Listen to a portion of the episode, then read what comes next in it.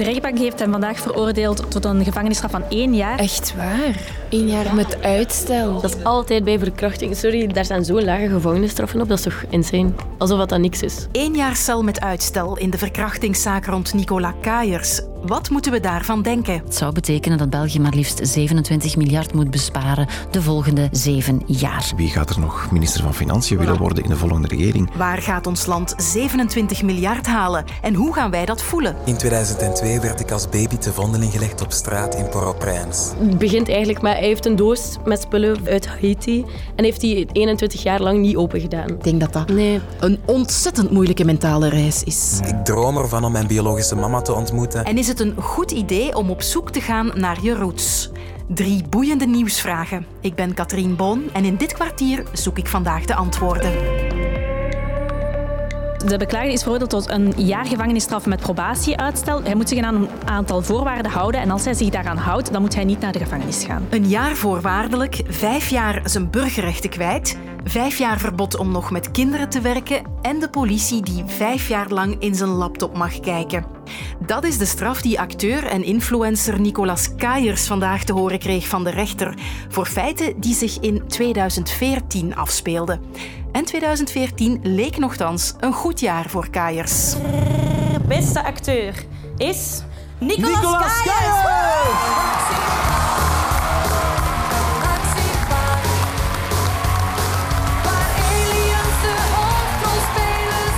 Nog snel even mijn ouders bedanken die altijd hebben gereden toen ik nog geen rijbewijs had. En ook mijn broer die ik heb moeten dwingen om naar Galaxiepark te kijken als hij geen zin had. Hij won dat jaar dus een gouden K voor zijn rol in de Ketnet-reeks Galaxiepark. Daarvoor had hij ook al een rol in Wittekerke en hij waagde ook zijn kans in Eurosong for Kids. En op social media speelde hij het typetje Sabine, een nogal tuttig burgervrouwtje dat hem al snel 150.000 volgers opleverde. Maar ondertussen deed Kaiers dus ook dingen die het daglicht niet mochten zien. Ik heb justitieverslaggever Marieke van Kouwenbergen gevraagd om die feiten nog eens op een rij te zetten. Nicolas Kaiers die moest zich in de rechtbank in Leuven verantwoorden voor seksueel grensoverschrijdend gedrag ten aanzien van drie minderjarige jongens. Dat waren jongens van 13 tot 15 jaar oud en die feiten die zouden zich afgespeeld hebben in de periode van 2014 tot 2016. Kaiers was toen zelf 22 jaar. Het onderzoek in deze zaak dat startte pas twee jaar geleden, want toen is een van de slachtoffers naar de politie gestapt. En uit zijn verklaringen bleek toen dat Kaiers contact met hem had gezocht sociale media, dat ze onderling ook foto's hadden uitgewisseld en dat er dan afgesproken werd en dat ze daarna ook seks hadden. Het eh, gsm-toestel van de beklaagde, dus van Kaiers, is eh, uitgelezen en daaruit blijkt dat hij in die periode nog veel andere minderjarigen heeft gecontacteerd. Daarbij kon er toen ook een tweede slachtoffer worden opgespoord en eh, toen heel deze zaak dan aan het licht kwam, heeft er ook zich nog een derde slachtoffer gemeld. En dus voor die feiten ten aanzien van drie minderjarige jongens stond hij vandaag terecht. En dat Nicolas Kaiers een bekende naam was, speelt een belangrijke rol in dit proces. Want net dat rekent de rechter hem vandaag aan. Ja, Nicolas Kaiers was uh, immens populair. Hij had heel veel volgers op sociale media. En uh, het is net die bekendheid die hij heeft gebruikt om met kinderen in contact te komen. Volgens de rechter heeft hij zijn naambekendheid misbruikt zelfs. En in deze zaak mogen we nu wel zijn naam noemen, omdat hij nu eenmaal een bekende figuur is in België. Hij gebruikt zijn naam ook om geld te genereren op social media. Dus in dit geval gaat het niet om een onbekende man die zedenfeiten pleegde, maar wel om een influencer die op zich al heel bekend was op het moment van de feiten. Seksueel misbruik van minderjarigen, dan zou je een zware straf verwachten. Maar Kaiers zal geen dag naar de cel moeten, want de rechter zag enkele elementen die in zijn voordeel pleiten.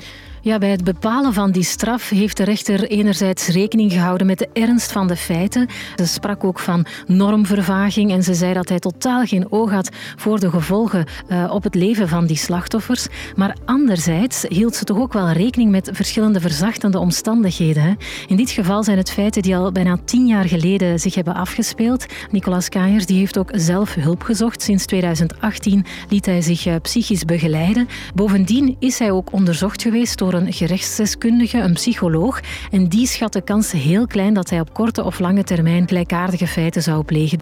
En daarnaast had hij ook een blanco strafblad. Hè. En als je al die dingen optelt, dan kan je toch wel zeggen van oké, hij heeft fouten begaan, hij heeft die ook erkend. Hij krijgt nu een straf, één jaar cel met uitstel en een hele race voorwaarden. Het zijn er echt wel heel veel waaraan hij moet voldoen. En toch, minderjarigen verkrachten en daar dan nauwelijks voor gestraft worden, het voelt vreemd aan.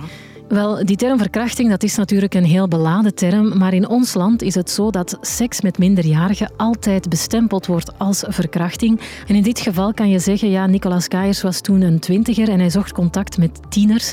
Hij heeft ook seks met hen gehad en daarmee heeft hij dus een grens overschreden die eigenlijk niet aanvaardbaar is en daarom is hij nu ook veroordeeld.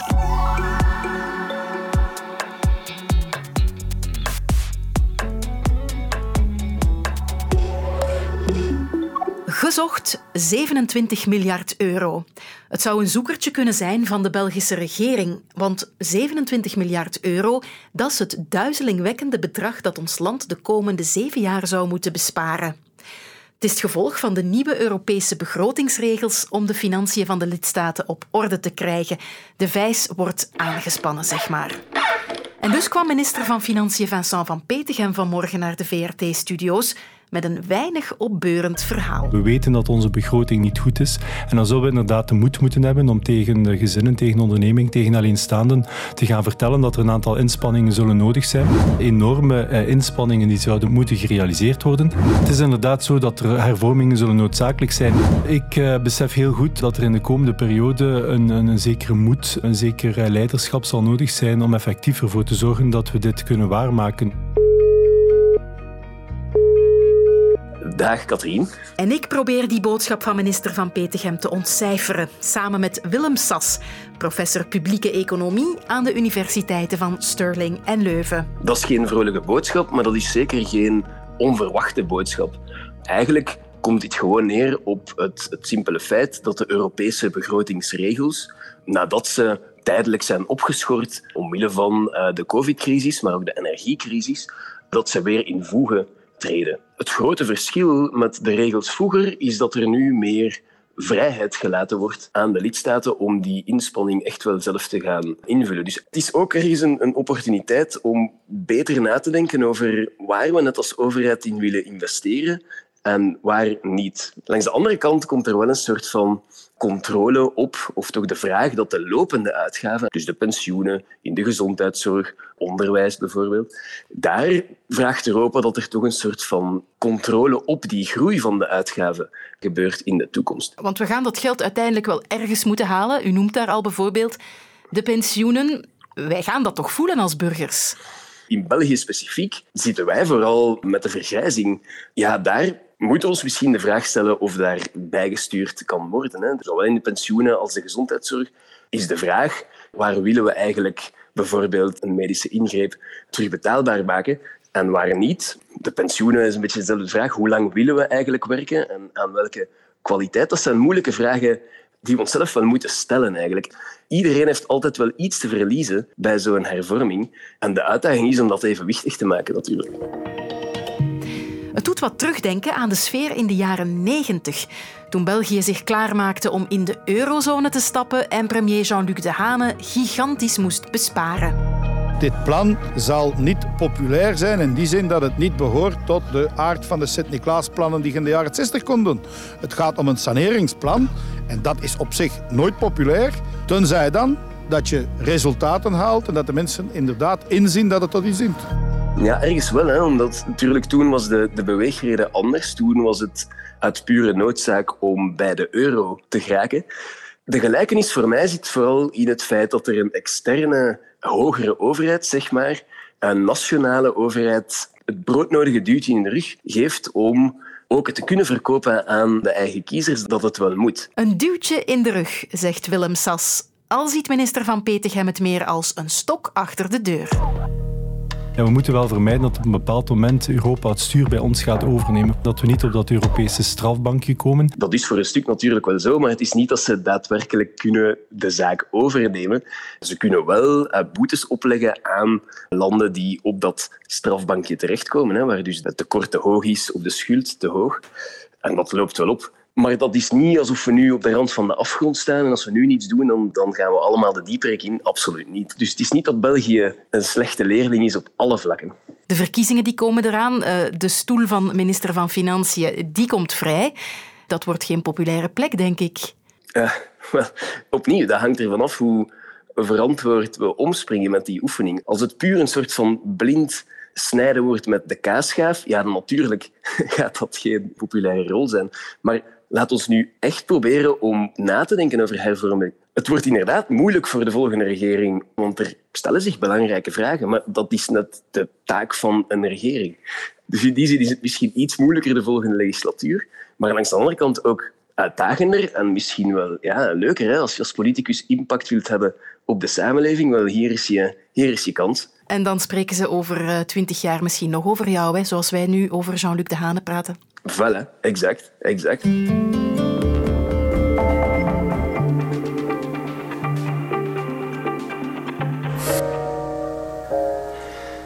Dit ben ik, de kleine Francisco. In 2002 werd ik als baby te vondeling gelegd op straat in Port-au-Prince, de hoofdstad van Haiti.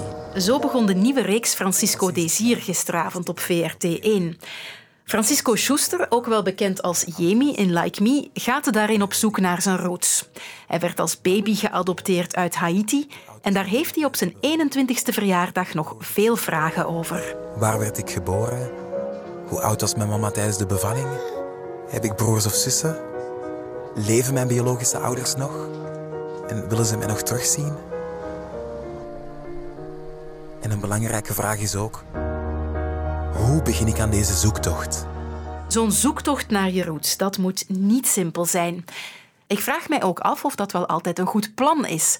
En dus ben ik uitleg gaan vragen bij Nicole Vliegen. Ze is professor klinische psychologie aan de KU Leuven en doet onderzoek naar kinderen met een adoptieachtergrond. Als geadopteerde op zoek gaan naar uw roots is iets dat eigenlijk bijna deel gaat uitmaken van uw leven als geadopteerde. De meeste geadopteerden gaan vroeg of laat op zoek naar die roots. Ja, dat is vaak een, een belangrijk stuk van uw identiteitspuzzel die je op die manier wilt aanvullen, wilt gaan onderzoeken. Maar tegelijkertijd kan dat ook wel destabiliseren. Zou ik dat wel doen? En je hoort soms inderdaad verhalen van mensen die echt zeggen van het was een horror, dat ik had liever niet geweten. Dus is dat een goed idee? Ja, dat is een, een noodzakelijk stuk van uw leven als het ware. Maar waar dat, dat toe kan leiden, kan gaan van de meest fijne ervaringen tot toch ook wel hele destabiliserende ervaringen. En welke van die twee kanten het opgaat, daarbij spelen een heleboel factoren een rol. Ik denk dan dat één belangrijk is het verhaal dat op je wacht. Zitten daar sprankels van hoop en van liefde in? Zijn er mensen die u gewenst hadden of die een goed leven toegewenst hebben? Een tweede factor waar ik aan denk is de factor van hoe heeft u geadopteerd zijn in de loop van uw leven al betekenis gekregen? Is dat een min of meer aanvaard positief verhaal versus staat dat echt heel erg in de negatieve sfeer op dit moment? Ben je heel erg ongelukkig over het geadopteerd zijn? Een derde factor waar ik aan denk zijn de verwachtingen die iemand kan hebben ten aanzien van zo'n zoektocht. Je hebt mij er al over verteld. Ik heb u toen gezegd, in de zomer nog, op de tourbus met Like Me, denk ik. Maar wat als je ze niet vindt? Zijn die verwachtingen realistisch? Ben je voorbereid op dat er mogelijk ook teleurstellende dingen in zitten? En een vierde ding waar ik aan denk, hoe stevig voel je in het leven staan op het moment dat je aan die rootsreis begint? Voel je de stevigheid en de kracht om aan te gaan en tegen te komen wat al je daar gaat tegenkomen? Of voel je dat je ook makkelijk gedestabiliseerd gaat kunnen worden door dingen die op je af gaan komen?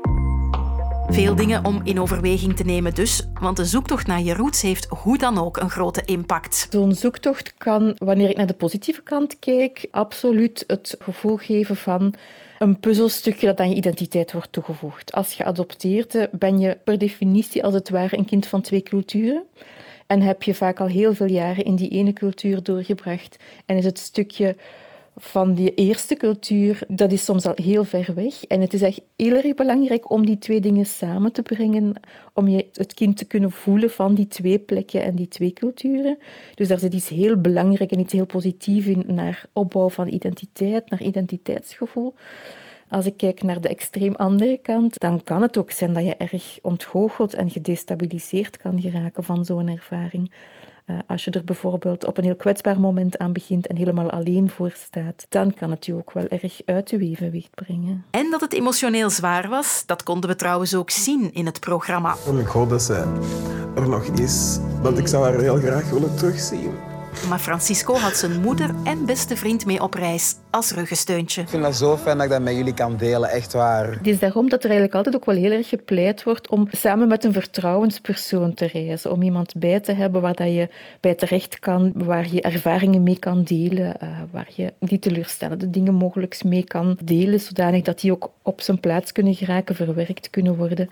Maar tegelijkertijd ja, wil ik toch ook wel beklemtonen dat je nooit helemaal gaat voorbereid zijn op wat er, jou, wat er met jou gaat gebeuren. Je kan nooit helemaal voorbereid zijn op wat het met jou gaat doen, wat je kinder gaat voelen en denken en te weten komen. En zo heb ik je weer helemaal bijgepraat over het nieuws. Wil je trouwens eens in het echt met ons van gedachten wisselen? Kom dan zeker langs op het VRT Podcast Event op 9 maart in Mechelen. Tickets en info op VRT Max. Fan van True Crime? Luister dan ook naar Onder ons Crimi. Fatma Taspinar en Filip Heijmans, ja, die van Waar is zuster Gabriel, en hun collega's van de nieuwsredactie praten je bij over de actualiteit.